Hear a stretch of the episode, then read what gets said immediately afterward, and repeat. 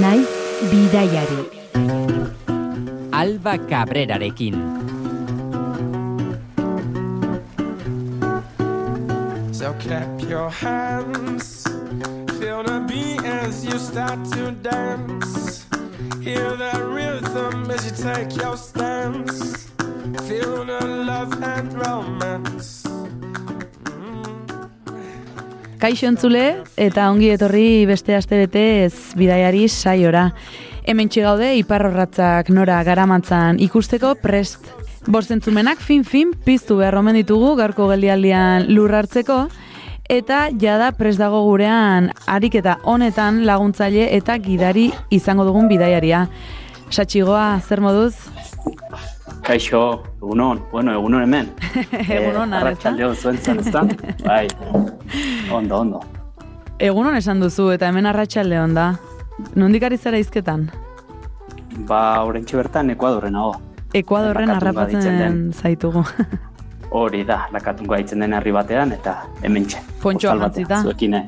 Hori da, pontxoa jantzita, frisko dago eta. Ipurdia etxean gutxi izaten duzuzuk.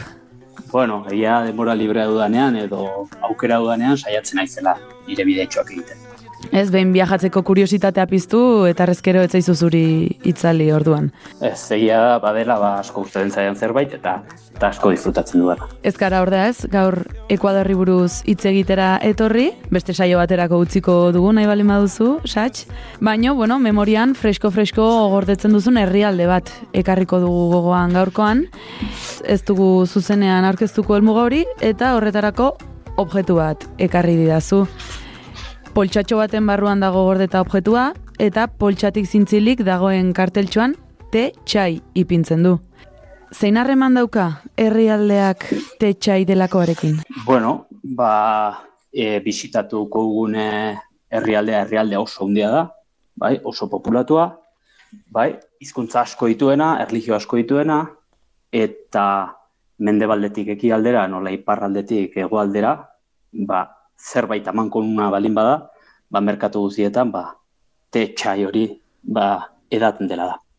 Zuk ara joan aurretik ezagutzen zenuen te txai? Ba, ez nuen ezagutzen, hasian ibilia naiz, eta ez nuen ezagutzen, baina geroz, geroz ematen du ez dela hain hainen produktu arraroa, bai, leku askotan topatu daitekela. Zuk lehen kontaktua beraz herrialde horretan izan zenuen. Hori da, hori da. Gogotik edan altzen nuen. Bai, bai, bai, bai, bai. Egunero, egunero edaten duen zerbait, bai. E, goizean, arratsaldean noiz nahi, deskansu txiki bat egiterako orduan, bai. E, bai, oso ohikoa. Bertako herritarrek ere beren egunerokon oso presente daukaten edaria da. Bai, bai, bai, bai. E, bai lanean daudenean, bai bidaiatzen daudenean, bai edozein mo- momentutan, ba, deskansu txiki bat egin nahi dutenean, ba, ba, horietako, bueno, edon non dauden, o leku guztietan dauden postutxo batera joan, eta eta han tetxaietako bat hartzeko itura handia daukate. Postu jakinak daude edari hori hartzeko? Bueno, edari hori topatu bezakezu pixka denetatik, baina bueno, bada ba kanpo bizitza handia duen herrialde bat, eta orduan postuak topa ditzakezu non nahi. Uste dut, e, behin e, ostala, hotela edo lotan zauden leku hautzen duzu momentutik, edo zein lekutan topatuko duzula. Bai? Kalde guztitan, izkin guztitan, tren estaziotan, edo non topa daiteke. Eta zein da herrialde hori, zein da edonon te txai arkitu daitekeen herrialde hori. India. Gaurkoan beraz, Indiara egindako bidaia izango dugu izpide, koloren, usainen eta melodien lurraldea omen da India, ia zer dion egoi belategi lankideak. Aurkeztu behar dizuegun herrialdea modu superlatiboan aurkeztu behar ezin bestean. Gauza askok egiten dutelako handia eta gauzak handiriko egiten dituelako. Ongietorriak indiara.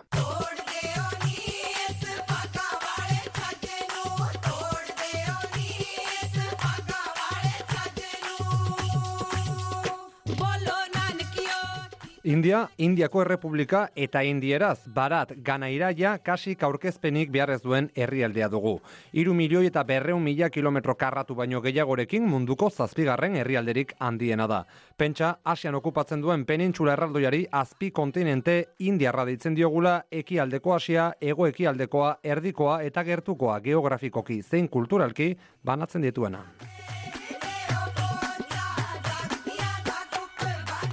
Mila eta irureun milioi biztanle baino gehiagorekin uste dugu India dela biztanle gehien dituen bigarren herrialdea munduan eta uste diogu nazio batuen erakundeak berak azaldu duelako 2000 eta hogeita irurako gehienez ere biztanlerian gaindituko duela Indiak Txina, baina Euskalo marka hori gainditu ote duten dagoeneko. Eta Indian hiri handiak ez erraldoiak topatuko ditugu. Mumbai eta Deliko hiri metropolitanoek hogei milioi biztanletik gorako populazioa dute. Kalkuta, Bangalore eta Txeneko inguruek berriz amar milioi biztanleak gainditzen dituzte.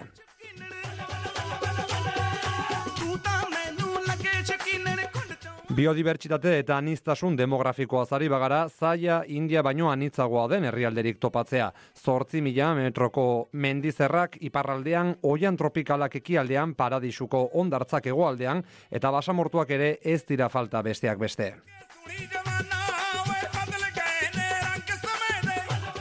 Hizkuntze zari bagara, 2000 bat hizkuntza dira, bai bai ongi entzun duzu eta mabos familia handitan banatuta daude. Hala ere, saia gaitezen azalpen nahiko orokor bat eskaintzen. Bi hizkuntza talde nagusi daude Indian, populazioaren euneko irurogeita mabostek ditu hizkuntza indoarioak ama hizkuntz, eta ondorioz hizkuntza indo, indo-europearrekin senidetuta daude. India, Panjabia edota urdua dira talde honen parte. Bestalde, hegoaldean hizkuntza drabidiarrak dira nagusi, Indiako populazio osoaren euneko hogeita bostinguru. Tamila edota Kanada hizkuntza dira hauen parte beste askoren artean.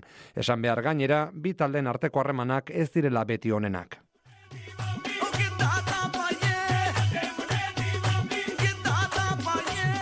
Eta erlijioa hitz egiten baldin badugu, Eunka jainko dituzten hinduistek populazioaren uneko laro inguru osatzen dute, musulmanek populazioaren euneko amairu osatzen dute, eta badira ere sig eta kristau gutxiengoak, edo zein kasuetan milioika lagunez osatzen direnak. Eta Indiako historia hori bai handia, India okupatu duten imperio ezberdinek sekulako arrastoa utzi dutelako munduan, baina esango dugu ere independentzia mila bederatziron eta berrogeita zazpian lortu zutenetik, ekarpen handia egin dutela indiarrek historia gara izkidean. Lehenik eta behin kolonizazioaren aurkako ordezkari gisa. And now the time comes when we shall redeem our pledge, not only Entzun berri duzuen Jawar Jalal Neru Indiako lehen presidentea Mahatma Gandhi eta beste askorekin batera deskolonizazioaren ikur bihurtu ziren herrialde zapaldu askotan. Gerra hotzean ere ur zinez nahasietan igeri egiteko gai izan zen India. As more countries became free, we, the non-aligned, have chosen peace which surely is the right and inevitable choice. Indira Gandiren gidaritzapean besteak beste, India gai izan zen denbora luzaz Sovietar batasuna eta Ameriketako estatu batuen arteko oreka bat lortzeko gutxik lortu zuta zerbait.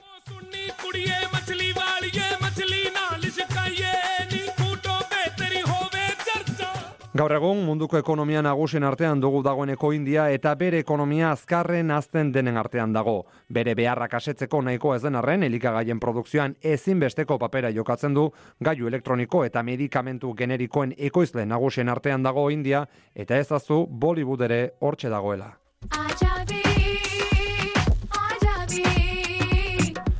Bollywooden, Hollywooden baino film dezente gehiago egiten direlako egun eta urtero milaka milioi euroko irabaziak ematen dituelako honek. Indian beraz, dena da handia eta noski baita arrakalak ere. Gizarte arrakala horiek erro zarrak ditu Indian sarritan kasten sistemari loturikoak, baina egungo gizartean ere mantendu dira hauek. Indian ematen dira feminizidio gehien eta aziduarekin eginiko erasoak adibidez ohikoak dira oraindik ere. Erlijioaren arabera eskubideen aitortza oso ezberdina da eta elitea berats bat azten den bitartean pobreak gero eta gehiago dira.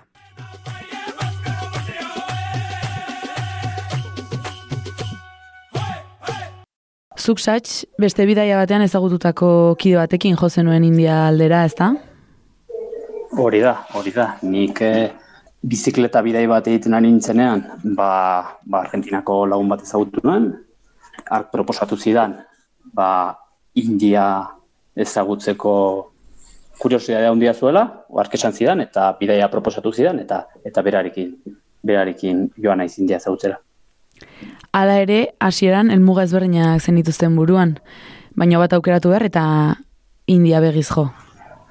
Hori da, nik uste dut India badela badela bidaiari guztiek ba, buruan daukaten destino bat, noiz baita egitekoa. Baina, bueno, nik ba neuzkan aurretik, ba, beste, beste bidei batzu buruan, baina, bueno, e, azkenean, ba, ba, bueno, bat erabaki beharra zegoen, eta eta India aukeratu dena. Neurri hartu zenioten negoziaketari beraz, ez? Eta antxe joan zinaten ez, nork beretik informazioa pilatu eta pilatu Indiara joan aurretik. Koronavirusaren agerpenaren ondoren zapaldu duzue herrialdea. Pandemiaren ajea eta albokalteak nabariak izan altziren bertaratu zinetenean. Bai, bai, bai, bai, pandemiaren, esaten duzu bezala, pandemiaren ajeak oso nabariak, bai. E, lehenik eta behin ikusi duguna da e, oso turismo gutxi, bai, oso turismo, kanpo turismo gutxi, edo sensazio hori izan dugu. Eta bai, beraiekin hitz egin dugunean, e, bai, izan digute, ba, ba, pandemiak, ba, kolpe handi eman diela, gehien bat, beraiek kale bizitza handia egiten dutelako, merkatu bizitza, egunetik egunera bizi dielako, eta egin dizkieten murrizketa guziek, ba, asko oztopatu ditelako, ba, ba beraien egunerokotasuna delindu abia puntua zuen bilabetetako abenturak. Ez da ordea hasia zapaltzen duzun lehen aldia, ez? E, lehenago izan baitzara, ba, Txinan, Malasian, Japonen, baina osatx, gogor jozizun lurrartzeak indian, ez? Bai, nik uste dut, e, Asian desente ibiliarren, ba, India badela beste beste mundua, bai? E, deline aireportuetik ateatzen zaren momentutik, bai, nabaritzen duzu hori, bai? e, badago zentzumenen sobrekarga bat bai. Kontaminazio handia, kaosa, trafiko handia, usaiak, beroa, behiak alean, txakurrak, jendea lurrean, bai, jendea turista bezala zuen gainatu nahian, bai, e, indiako sarrera, delin sartu ezkero bintzat potentea da. Etzen ukaten, lehen eguneko lolekua hartuta, zer zarete, e, improvisazioaren aldeko bidaiariak, agian? Bai, bai, nik e, bidaia bat antolatzen duanean, e, bidaia prestatzea gustatzen zait, bai, e, estatuari buruz, edo noan lekuari buruz irakurtzea eta informatzea, baina bai gero gustatzen zait, ba, momentuaren arabera, ba, ba erabakiak hartzea, ez? E, leku bat gustatzen bat zait e, denbora gehiago pasa, leku bat gustatzen ez bazait, alde egin, bai, eta hortarako, ba, ba bai, improvisazioa, bai, e, ezinbestekoa nietzat zuen lehen geldialdia esan dugu deli izan zela, bi harpegi dituen metroko, metropoli batekin egin zenuten topo ez, e, alde batetik dirugosez gora eta gora egiten duten eraikinak eta etxe horratzak, eta beste aldean hiriburuaren bihotz kaotikoa ez, kontraste handia bizialda hiri bakarrean. Bai, bai, bai, India azkenean bada, bai, nik esango nuke Indiako hiri askoren errepresentazioa, ez? Azkenean, hogei milion biztan lehen guru, indi, india guziko jendea biltzen da bertan, bai, eta nasten dira ba kultura guzia, bai. E, musulmanak, kultura indua, kultura sik, erligio asko, hizkuntzak ere bai, eta noski, ba, ba, e, indiako hiriburua izatean, ba, ba jendea beratx asko, baina aldi berean pobrezia handia ere bai. Bertako giroa ideia bakarrean laurbilduko bazenu, zein izango litzateke? Buah, nik indiaren, gu gehien bate indiako alde zaharrean, esan dezagun e, ibili garela, eta eta nik hitz bat, o lehenengo sensazioa bintzari izan nuena izan zen pixka bat superbibentzia. Bai? Batetik superbibentzia eta bestetik esango nuke anistasunare, bai. Bai delin eta bai orokorrean indiako herrialde osoan, ez? Ba, India, bueno, India oso handia da, eta eta badira ez berdintasun handiak zona batetik bestera. Bai? India oso hartuko nuke oso India osoaren zatitza nietzat anistasuna izango litzateko, bai? Baina bai, India bada anistasun handiko hori e, herrialdea eta diferentzia handia nabaritzen dira e, elkarren artean, bai? Ez nuke estrapolatuko deli bat e, India osora, bai? Indian topa ditzakezu deli baino askoz leku lasaiagoa. Bai, India bada, o deli bada, e, Indiako puntu potente bat. Bain justu ere ez, e, herrialdearen erradiografia azkarra egiten omen du zuek sarri garraio gisa erabiliz izan zenuten trenak. Nolakoa da han tren bat hartzea?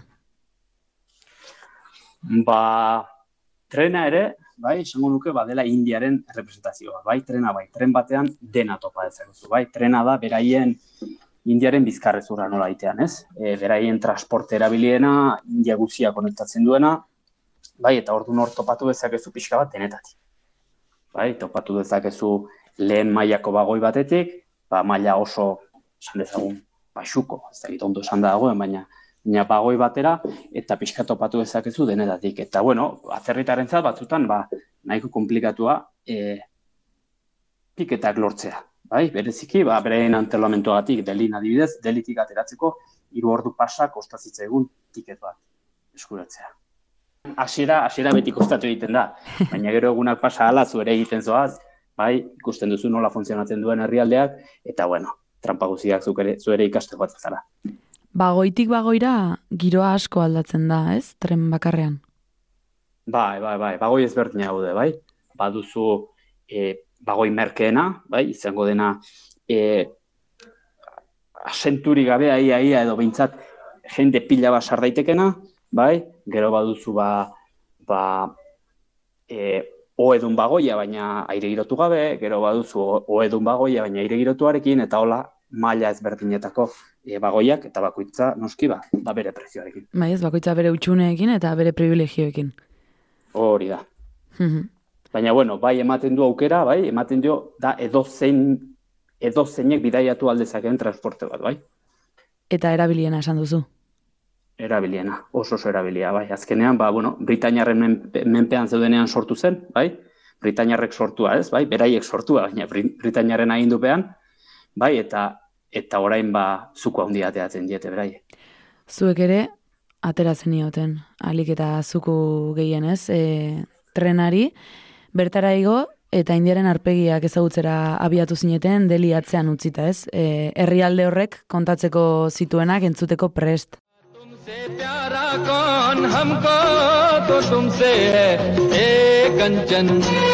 अरे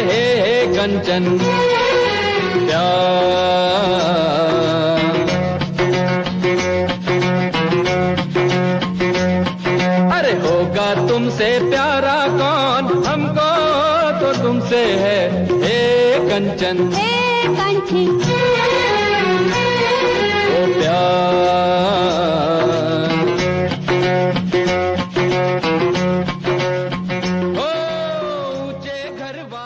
Oga tumse piakara kaun kantua aukeratu didazu satx. Zergatik? Zergatik, bau izan zelako e, kuaderno horri batean apuntatu genuen lehen kanta, bai? Indian sartu ginenean, ba, ba, ba ikusten joan ginen guzia apuntatzen joan ginen, bai? Tartean, ba, gustatu zitzaizkigun kantak, eta hau izan zen, ba, apuntatu genuen e, lehen kanta, lehen abestia, bai? Eta, eta horregatik. Auskatzeko zaila da, zuzen idatzi zenuten? E, nik uste dut ez genuela zuzen idatzi, bai? Baina behin baino gehiago entzun genuen ez, bai, zuzentzen joan ginen. Lortu zenuten, azkenean, iristea kantura, ez? Hori da. Beraz, asko entzuten den kantua da? E, bueno, entzun izan dugu, bai? Negia da, ba, musika asko dagola, bai? Asko dagola. Eta beraz, entzun dugu denetarik. Ba, musika horren arritmopean ez, e, abiatu zinaten, deliatzean utzita, Indiaren urrezko triangeluaren bigarren erpina izan zen zuen urrengo gel, geldialdi horretara agrara justu. Zer da, zer da urrezko triangelua?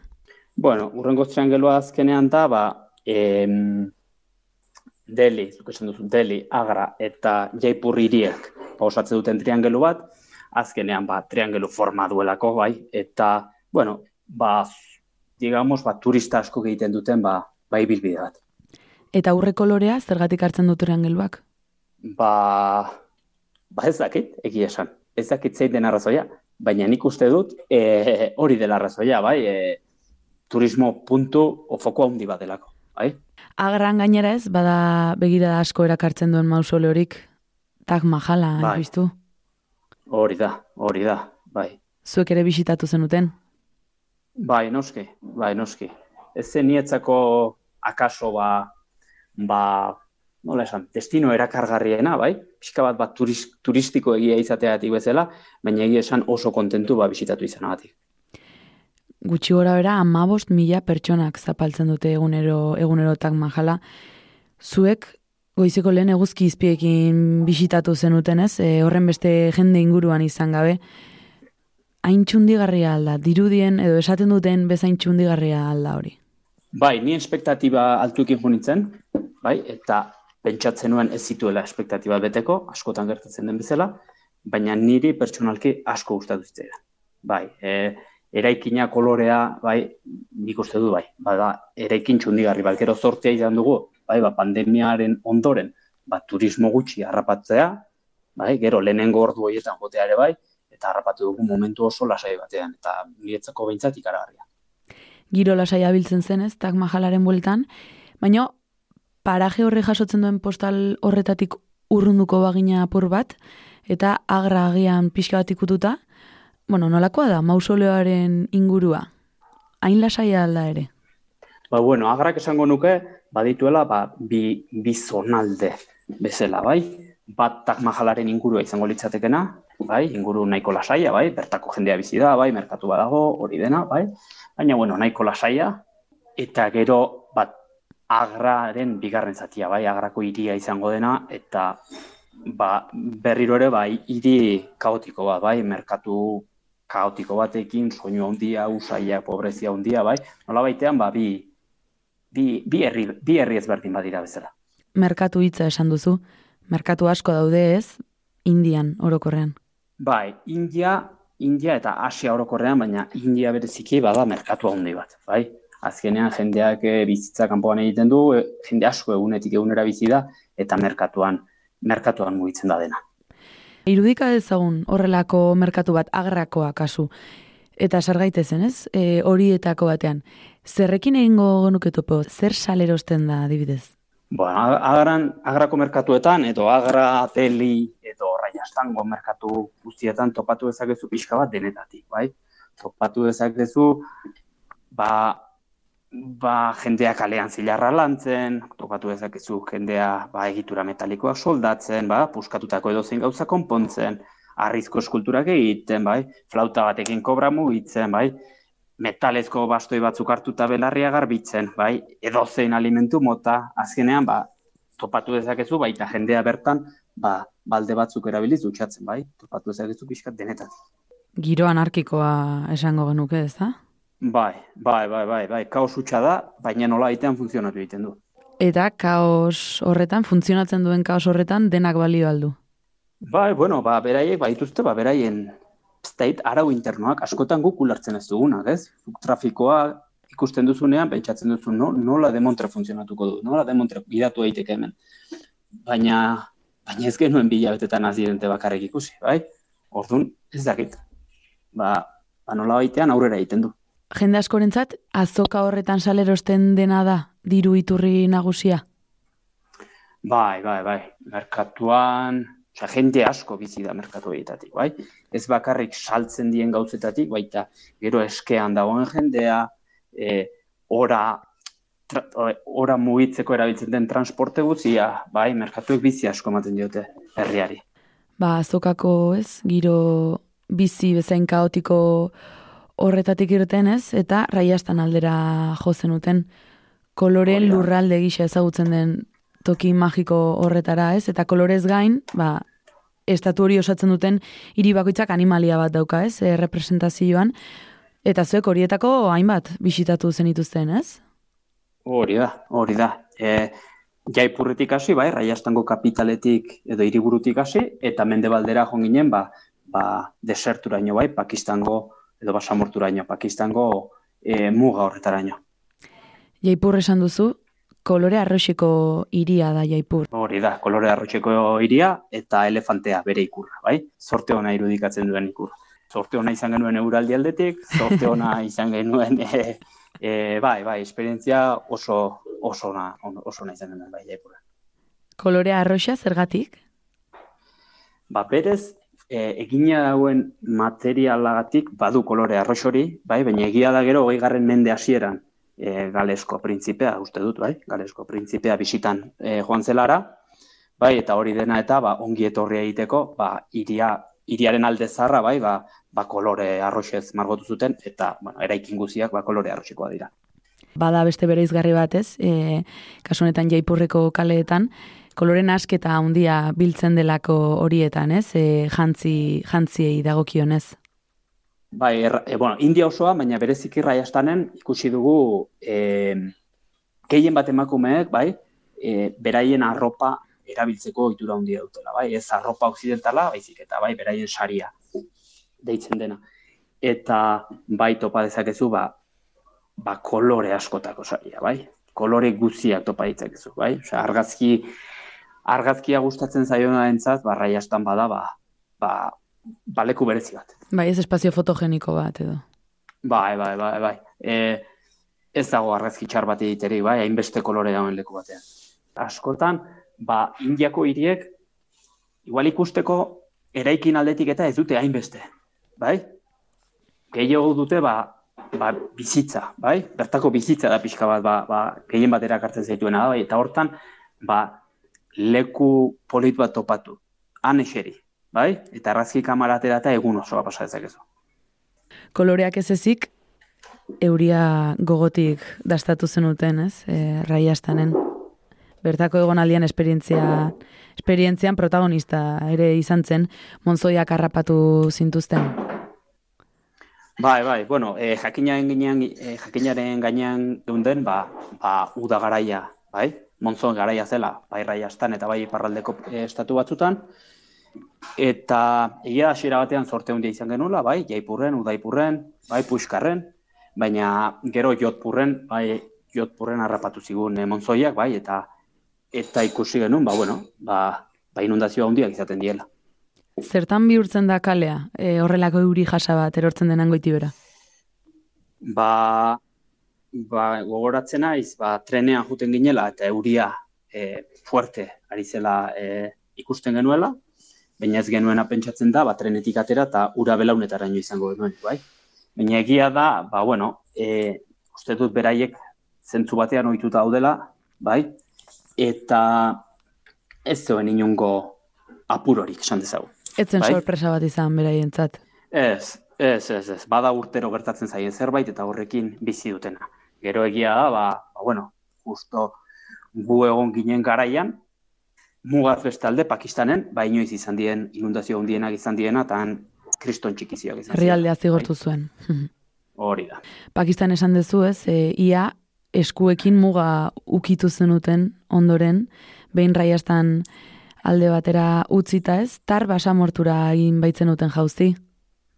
Hori da, hori da. Ba, behin, behin erraiastango zenbait iriburu ikusita, ba, mende baldera abiatu ginen, bai, Jaisalmer eitzen dene irira, pixka bat, ba, tar e, basamortu hortako irigunea izango litzatekena, bai, eta, bueno, ba, aprobetsatu genuen, ba, turista gutxi zegola, eta eta lasa ibili zitekela, ba, bai iria ikusi, eta gero ba, bertako herritxo batzuk ikusteko.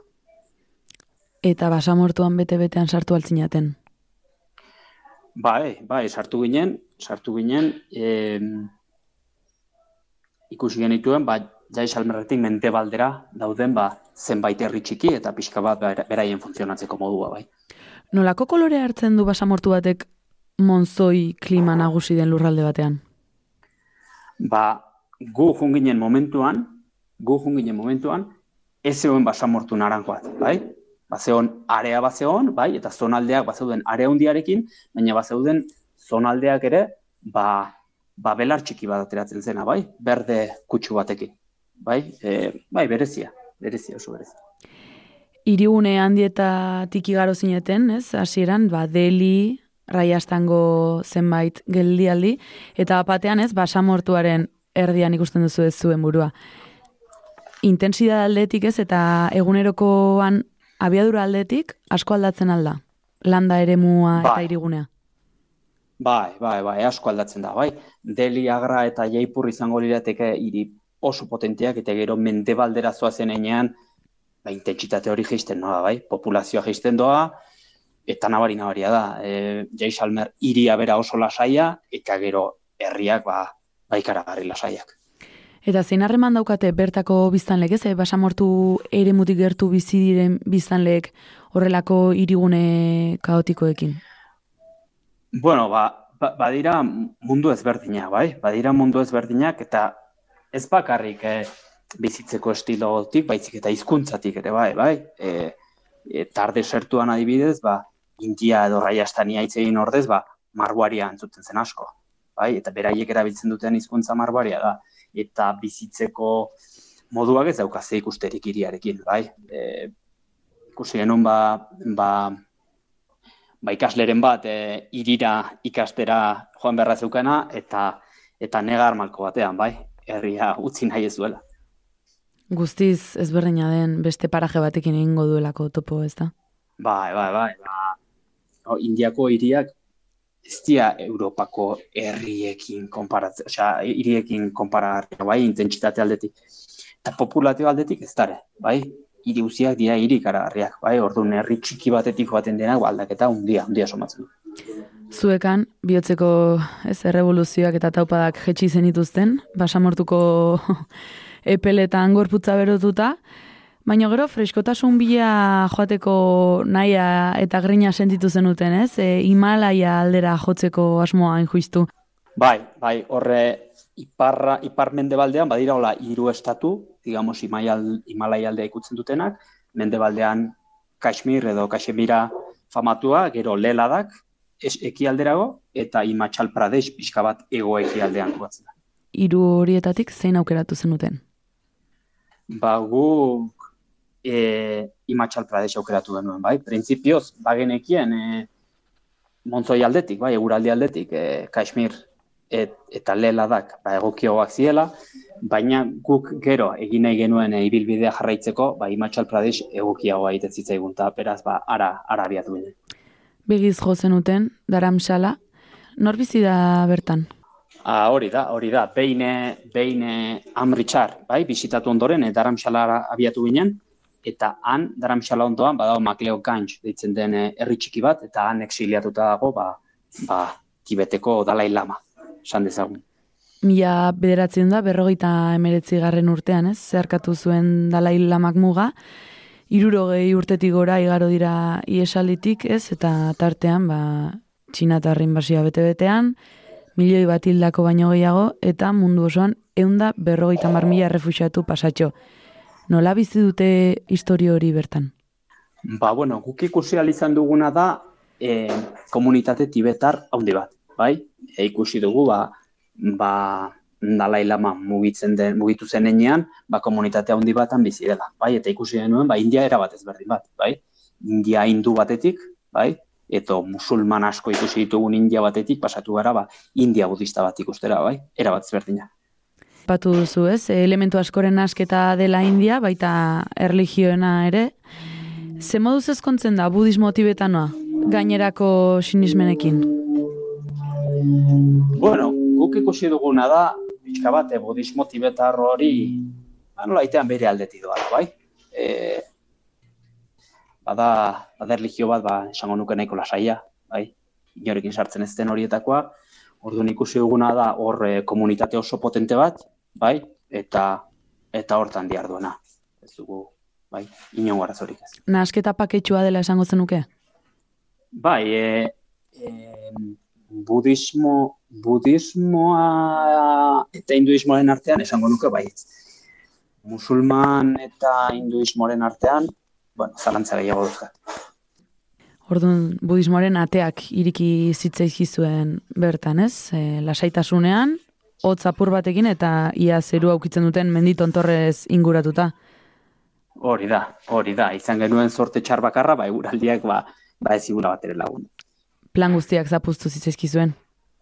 Hori da, hori da, ba, genuen eh, han, ba, denbora luzetxo bat pasatzeko asmoa, bai, ba, pixka bat eh, batetik kultura tibetarra ezagutuz, eta gero ba, bertako eremu naturala, bai, menditxo batzuk egin, bai, pixka bat, ba, ba, pixka bat eremu hori salseatu, bai, eta, bueno, ezin izan genuen. Zein izan zen zuen irten bidea? Bueno, ba, eki aldera, eki aldera joan ginen, e, paranasi alderuntz, bai, orientatu ginen, e, bueno, gehien bat, ba, esan dizuan zela, euriaren, euriaregatik, ba, ba, lur jauzi asko izan zielako, bai, eta arazo asko zeudelako han inguruan mugitzeko. Eta jun ginen, ba, Rishikesh deitzen den e, puntu batera, bai, pixka bat e, jogaren epizentroare, epizentrora, eta han egun pare bat, bi hiru egun pasatzera. Jogazale altzara. Ez, ni ez, baina bidai honetan, baina bidai honetan ez negun bakarrik. Beraz batzuetan ez, e... Hori da, hori da, hori da. Batzutan batek eta bestean, bestetan besteak zitu behar da. malgutasuna ez. Hori da. eta jogazale asko bertaratzen aldira, ara. Bai, bai, bai, bada pixka bat, e, zonalde bat, ba, ba nik uste dut, e, turismoaren egin handi bat, e, e, yoga, jogaren munduan moitzen dela. E, esan dizuan bezala, guk harrapatu dugu pixka bat, momentu oso baju batean turismo aldetik. Bai, eta orduan lasai topatu dugu, baina bai ikusten da, ba, yoga eskolak edo non, edo yoga irakasleak edo non, edo bai, bai, bada, bada potentea, zona hortan. Naizta ez gustatu, praktikatzeko tartea hartu zenuen, jogaren hiriburua den honetan. Saiatu zinen. Saiatu. ez, ez ditzen saiatu ere egin, baina bueno, egia, ez, e, e, Makleo Gantzen, bai, e, Daramxalan, bai, e, hauet, Tibetar komunitate horretan, meditazio ordu bat pasa nuela. Hori egia. Eta ora idatzita gelditzen da, eta esan da ere bai, ez da? Hori hori da. Gainera ez, e, Rishikeshera gerturatuta, horri izan zenuten ez, lehen kontaktua gangesekin eta berriro hortaz e, hinduismoare, hinduismoaren munduan murgildu zineten. Gangesa munduko, ganges, barkatu, munduko ibai ezagun eta sakratunetariko bat da ez, ziurrenik, baino apur bat paradoxa sortzen da ez, nola alde batetik ez, hain maitatua eta hain sakratua izan, baina ora berean, hain kutsatuta egon. Bai, bai, hala da. E, azkenean, India bada kontaminazio handia duen estatu bat, bai. Jende asko bizi da, bai. Trenean zoaz eta jendeak plastikoak lehiotik botatzen ditu, bai. Oraindik ba, bueno, ba, badauzkate, ba, esango nukenik beste prioridade batzuk, bai. E, beste arazo batzuk, ba, ba oso potoloa dienak, bai. Orduan, ba, ba, bai, ba, badaukate ohitura, ba, ibaira dena botatzeko, bai. Izan, e, komunetako e, komunetako e, Ondakinak. li- likidoak, hori da, komunetako ondakinak, barkatu, bai, izan zaborra, bai, izan e, edo zer gauza, bai. Egunerokoan e, presente duten e, aldetik, zertarako erabiltzen dute bestela ere? Ba, bueno, azkenean ibaia pixka bat, ibaian gangesen dena egiten dute, bai? Gangesa erabiltzen dute beraien arropa garbitzeko, gangesa erabiltzen dute dutxatzeko, baina gangesa erabiltzen dute aldi berean, ba, beraien ba, zeremoniak egiteko, bai? Ba, beraien arti zeremoniak, beraien bainuak, ba, beraien, ba, ba, ba historia ezberdinak, bai? Pixka bat eh, oso lotuta daude eh, ibai horri. Oso lotuta daude, zer Rishikesez gain, Jariwar eta Baranasi. Hori da, hori da. Ba, Rishikesh eta Haridwar e, ondo-ondoan dauden bi, bi hiri dira, baina bi hiri bat ezberdinak, bai? Rishikesh pixka bat hiri turista, budiz, o jogari lotutako hiri, hiri turistiko bat, esan dezagun, eta Haridwar bada hiri e, religioso bat, hiri sakratu bat, bai? Eta ezberdintasuna ikaragarria da, bai? Ikusten duzu, baina ba, gangeseko e, ez dakit eromena esan, baina pasio hori, bai? Gangeserako pasio hori, bai? Zenbat jende biltzen duen ibai horrek eta eta ze zeremoniak eta e, be- beste mundu bat. Arti zeremoniaz hitz egin duzu lehen, aipatu duzu, behintzat zer da arti zeremonia? Ba, arti zeremonia bat da, ba, hinduek e, egiten duten zeremonia bat, e, jartzen dira apezak izango lirateken edo figura batzuk, bai? E, beraien ba, hitzak esaten dituztenak, bai? Ibaiaren kontra noski, eta inguruan jende pila. Jende pila, bai? E, sua, e, gero uretara botatzen dituzten beraien ba, gauzatxoak, bai? Ba, bueno, beraien pixka bat, beraien zeremonia bat hiri sakratuetan, bai, askotan ikus dezakezu. Kutsu erligiosoa bete-betean, ez? E, zainetaraino kaleetan sartuta eta baita ibaian ere sartuta zegoen hiru territorio horietan zuek ordea ere miseria handiarekin egin zenuten topo. Bai, bai, bai, nik uste dut eh, Deli, Deli hiriburua izatean oso potentea, baina deliren ondoren esango nuke jarituar, eta gero baranasin bereziki igual izan dela, ba, miseria gehiena ikusi dugun herria, bai, azkenean, ba, baranasi gehien bat, ba, horretaz gain, ba, eriotzarekin oso lotuta dagoen hiri badelako. Ze zeintzutan? Bueno, gangesa beraientzat, ba, esan bezala, ba, ba, ibai sakratua da, eta baranasi da beraientzat, ba, hiri sakratu duena.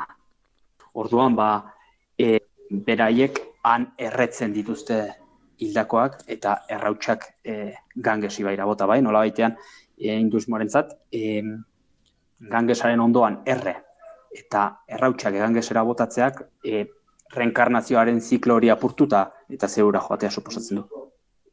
Zuek ikusi zen dituzten horrelakoak?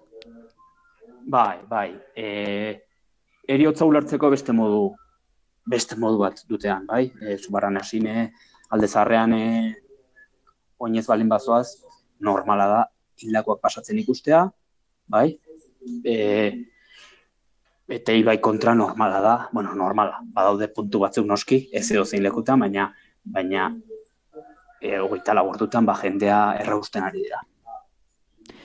Eriotza ez eta erligioaz hitz egin eta muturreraino eramango bagenu, agoriekin egingo genuke topo. Nortzuk dira agoriak? Bueno, agoria badira, ba, figura,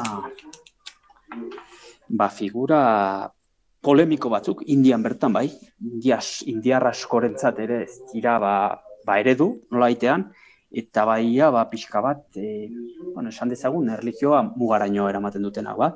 Hinduismoak e, jainko askorengan sinisten du, ba, beraiek e, bakarrik shibarengan e, sinisten dute, e, dios destruktor edo esaten dena, bai, eta beraiek bizi dira ba, estremo batean, bai, beraiek ulertzen dute bizitza estremo batetik, bai, orduan ba, bizi dira basamortutan edo kobazulotan edo pixka bat bizitza estremoraino eramanez, bai, e, hildakoekin harreman estua ere bai, orduan ba, abaran hasin, ba, beraientzat bada, ba, ba, puntu garrantzitsu bat ere bai. Zuek, gordintasuna beraz bete-betean xurgatu zenuten, ez? E, Rishikesh, Jariguar eta Baranasin egindako irugeldialdi horietan, kalkuta zeneukan buruan, urrengo geltoki gisa. Bai, bai, bueno, kalkuta bada, e, kalkuta bada, edo esaten denez, e, e, kulturalki oso iripotentea, bai, baina aldi berean, miseria aldetik ere, ba, pobrezia aldetik, bai, ba, oso potentea. E,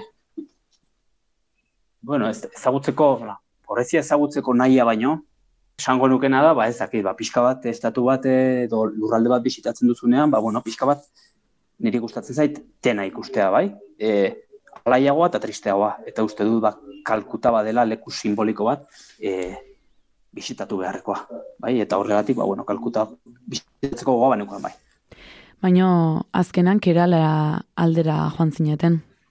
Bai, bueno, esan bezala azkenean bi bakarrik bidaiatzea edo jende gehiagorekin bidaiatzea ezberdina da, bai? Orduan, ba bueno, e, behin barran hasira iritsita eta India iparraldeko, bai?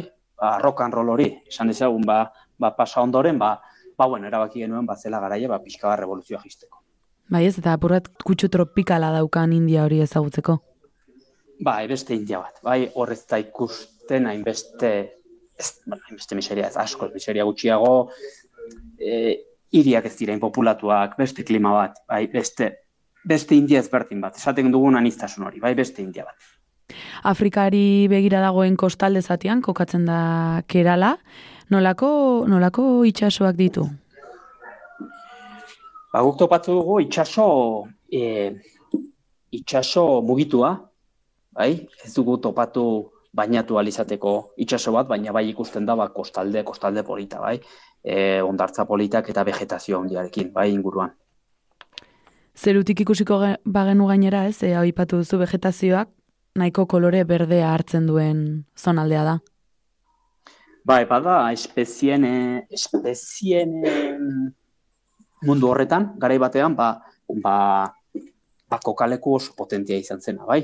Bada, ba, ba hori, espezie, kafe, te, bai, e, lehenengo sektore oso indartsua duen zonaldea soro hondiak, gero ikusten da, ba, pixka bat itxasoa nola sar daiteken ba, zona askotan ba, lurralde barrura, eta nola ba, arroz, arroz plantazio haundi horiek dituzten, baina itxasoak bil, nolabaitean, uarte bihurtzen dituen e, eremu batzutan, ba, leku oso kuriosoa ikusteko. Urarekin harreman oso estua daukate bertako biztanleek. Bai, bai, ba, dira zonak, ba, bakotxeak ordez, ba, batxalupatxoak erabiltzen dituztenak, bai. Kera lan gordetzen da gainera aiurbeda, ez? Herrialdeko medikuntza tradizionala.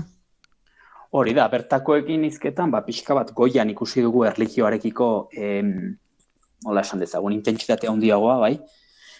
Eta hegoaldean ikusi duguna da, pixka bat da, ba, ba pixka bat me, medikuntza tradizional horretzara, ba, hori ba, gehiago gordetzen dutela, hobe gordetzen dutela.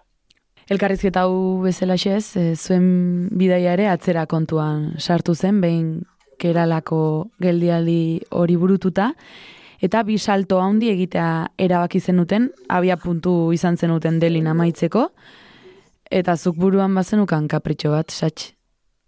Bombay, Bai, bai, bai, ni buruan banukan bon, bai.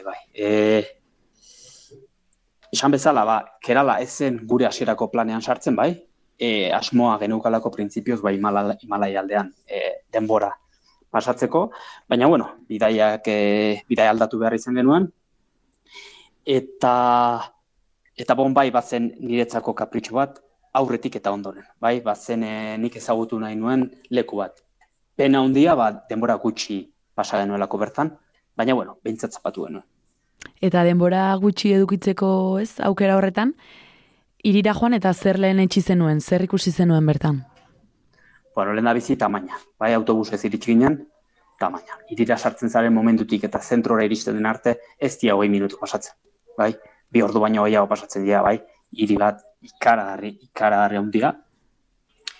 Eta pixka bat hiri bat hori, bai, kontraste handiko hiriare, bai, bai? Munduan e, milionario gehien e, bizi diren hiria eta aldi berean portzentai haundi haundi bat, ba, esan dezagun, ba, ba, fabeletan, bai, bizi, bizi dena. Eta bi errealitate horiek elkarren ondoan gainera, ez? elkarren ondoan. Hori da, ikusi dezakezu e, eraikuntza bat nun jende, bueno, ba, ekonomikoki e, egoera honean dagoen e, jendea bizi dena eta azpian ba ba favela erraldoi bat eta beraien artean ba printzipioz behitzan ez dago arazorik. Elkar bizitza baketsu bat. Bueno, funtzionatzen duela esango nuke behintzat, bai? Zinearen gotorlekoa ere ba omen da. Bombay. Askori burura etortzen zaiez, Bollywood. Bai, bada diru asko mugitzen duen e, e, sektore bat, hor, Hollywooda bada han e, pasio bat esango nuke, baina bueno, egia da, ba, ba bueno, gu printzipioz ez genuela interes handiri jarri hortan, eta bueno, Bollywoodarena ba, alde batean utzien, alde batean utzien. Bombaieko kontraste latzekin ez, delira itzuli, eta hortxe amaitu zen zuen bi hilabeteko abentura hori. India bezalako esperientzia sensorial bat bizi ondoren, itzuleran nola sentitzen da bat? Egazkinan itzultzen ari denean. Bueno, nik esango, nik lenda bizi esango nukena da, nik eh, han jarraitu nahi nuela, bai? Nik uste dut indiak bi hilabete indian oso gutxi geratzen dela, bai? Nik han jarraituko nuke beste sei hilabetez, bai? Eta ura patxaraziko zen. Orduan, bueltatu penaz, bueltatu penaz. E, baina, bueno, e, egazkinean baino Barcelonan, e, Barcelonara iritsi ginen, bai? Eta Barcelonak ematen zuen Euskal Herriko herri txiki bat, bai. Geliko kaosaren ondoren Barcelonak ematen zuen herri txiki. Motz gelitzen zen Bartzelona, ez da? Bai, bai, gau ez Bartzelonan buelta bat ematen eta eta ematen zuen isiltasuna zeola. Faltan botatzen da kaos hori. Bueno, uste dut momentuan lasa, e, lasaitasuna e, eskertzen duzula. Baina gero bidaia digeritzen duzunean uste dut India badela destino bat berriro deitzen zaituena. Bai ez berriro gose hori pizten zaizula. Arrorri jaten emateko Bai, bai. gogoa. Ba, bai, ni, niri ez zaitiko ze hori inoiz jun, bai, ni, nikan jarraituko nuke, baina bai jende askorekin izketan esaten du, jo, ba, askotan bueltatziko gogoa, bai, ba, oso destino potentea delako, bai, baina gero behin etorri ondoren eta digeritu ondoren, ba, berriro ba, ezagutzeko gogoa, ez? Bada uste du destino bat zeituena uzten, erdez esaten dena indiferente, bai, e, onerako edo txarrerako, ongo da jendea sekula bueltatu ez du, eh, nahi ez duena, baina, baina ongo da jendea bai edo bai bueltatzea nahiko duena. Ekuadorretik Indiara joate aukera bat alda. E, bueno, orain bertan ez. Behin ego Ameriketan egon da, ba, ba ego Amerikak ezagutuko ditut. Gainera, espertzeko aukera gutxi ematen dizu indiak, ezta? Ze gomendatuko zenioke ara joan nahi duen norbaiti? Bueno, ni gomendatuko nuen lehenengo gauza da pixka bat e, libre bidaiatzea, bai? Saiatzea alden taxi, Uber, tur gutxien hartzen, bai? E, tren tiketak tren estazioetan lortzea, saiatzea pixka bat beraien gana batzen. Eta gero, bai, noski, kontuarekin ibiltzeko, bai, ze, baina askotan ez usteko em, inguruagatik ba, impresionatzen. Bai, e, destinoa bada oso potentea, orduan, askotan, beldur horrek egiten dizu, koibitu alzaitu. Bai, orduan, noski kontu handiarekin, baina leku behartxuetara, leku horietara sartzeko animatuko niak. Beti ere, bai, e, kontuarekin, baina baina beldurrik ez izateko.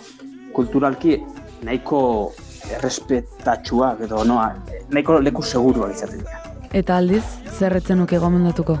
Bueno, nik ez nukena gonbidatuko da India e, lehenengo destino bezala, o lehenengo bidai bezala egitea. Bai, nik uste dut Indiari zuku ateatzeko e, komeni dela aurretik bidaia batzuk egitea.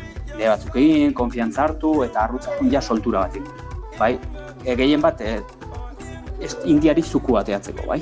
Pixka bat jajutea pixka bat egina. Satx denbora gainera etorri zaigu eta gainera badirudiri zure ostaleko lagunak eta kideak ere esnatzen hasiak direla, ezta? Bai, bai, hemen gero eta gero mugimendu gehiago dago, bai.